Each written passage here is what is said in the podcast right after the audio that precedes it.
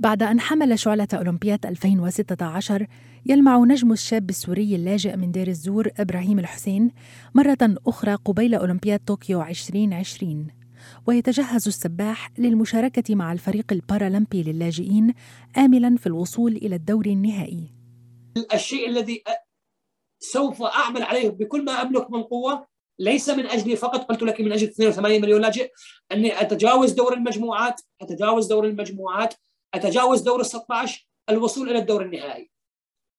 هذا الشيء الوحيد الذي أنا امل فيه كثير.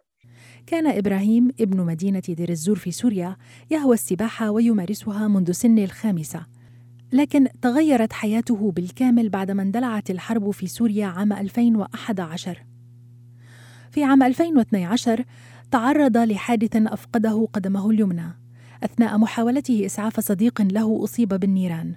فانفجرت قنبلة وأصابت أصدقاء آخرين له إصابات خطيرة. طبعا بالبداية طبعا ما تقبلت الموقف في بداية الإصابة. بعدين ولكن خلاص إنه إذا بدي أظل هيك راح تصفي حياتي يعني حياتي إنه أصبح إنه محطمة يعني. فحاولت أتأقلم مع الوضع ولكن وقت سمعت إنه صديقي آه، آه، ما توفى. بعد إصابتي بيومين إنه انه ظل على قيد الحياة. والشيء اللي أفرحني أكثر الشيء اللي أفرحني أكثر إنه عندما صديقي الذي آه، أنا رحت أساعده تزوج تزوج ومن فترة قصيرة سمعت إنه صار في عنده ثلاث أولاد.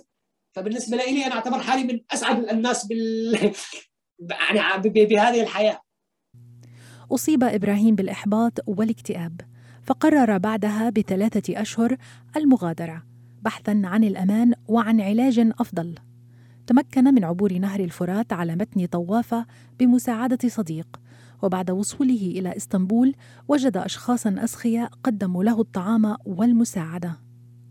وفي عام 2014 قرر الحسين مغادرة تركيا فعبر بحر إيجا باتجاه اليونان على قارب مطاطي. أصبحت اليونان هي بمثابة وطني. من أي ناحية يكون؟ أنا عندما خرجت من سوريا أنا كنت أبحث عن علاج. وأبحث عن وطن وأبحث عن أهل. فعندما وصلت اليونان لقيت وطن ولقيت ناس تحبني وعالجوني ولقيت فعلا ناس احتضنتني بمثابة أهل. فلقيت كل شيء أنا كنت بعاصمه ذاك الوقت. أنا عندما خرجت من سوريا لم اتي أبحث عن مال. لم اتي إنه أبحث عن شقة سكنية أو راتب لجوء لا. أنا أنا أنا أنا 2015 كان في عندي جواز سفر وعندي إقامة وكان بامكاني اسافر على أي دولة.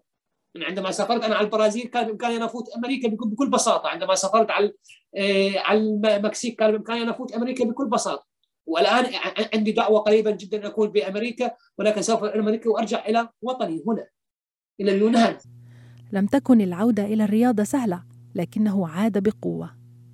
إذا تسأليني تقدر تقطع الطعام؟ أقول لك إيه أقدر أقطع الطعام؟ قولي تقدر تقطع الرياضة؟ أقول لك لا مستحيل. أنا حتى اليوم العطلة اللي يكون ما في رياضة أحس حالي إنه في شيء ناقصني.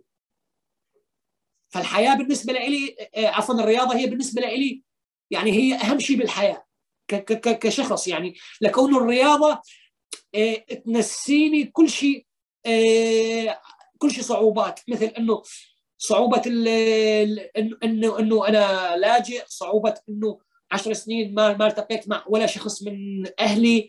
آه، الرياضة تنسيني كل المشاكل اللي أمر فيها اليومية أو كذا الصعوبات الحياة. تنسيني كثير أشياء الرياضة. يتمنى إبراهيم أن يكبر فريق اللاجئين اولمبيا وبارالمبيا ويصر على وصف الفريق بعائلة فريق اللاجئين المكونة من عدة جنسيات وليس من جنسية واحدة.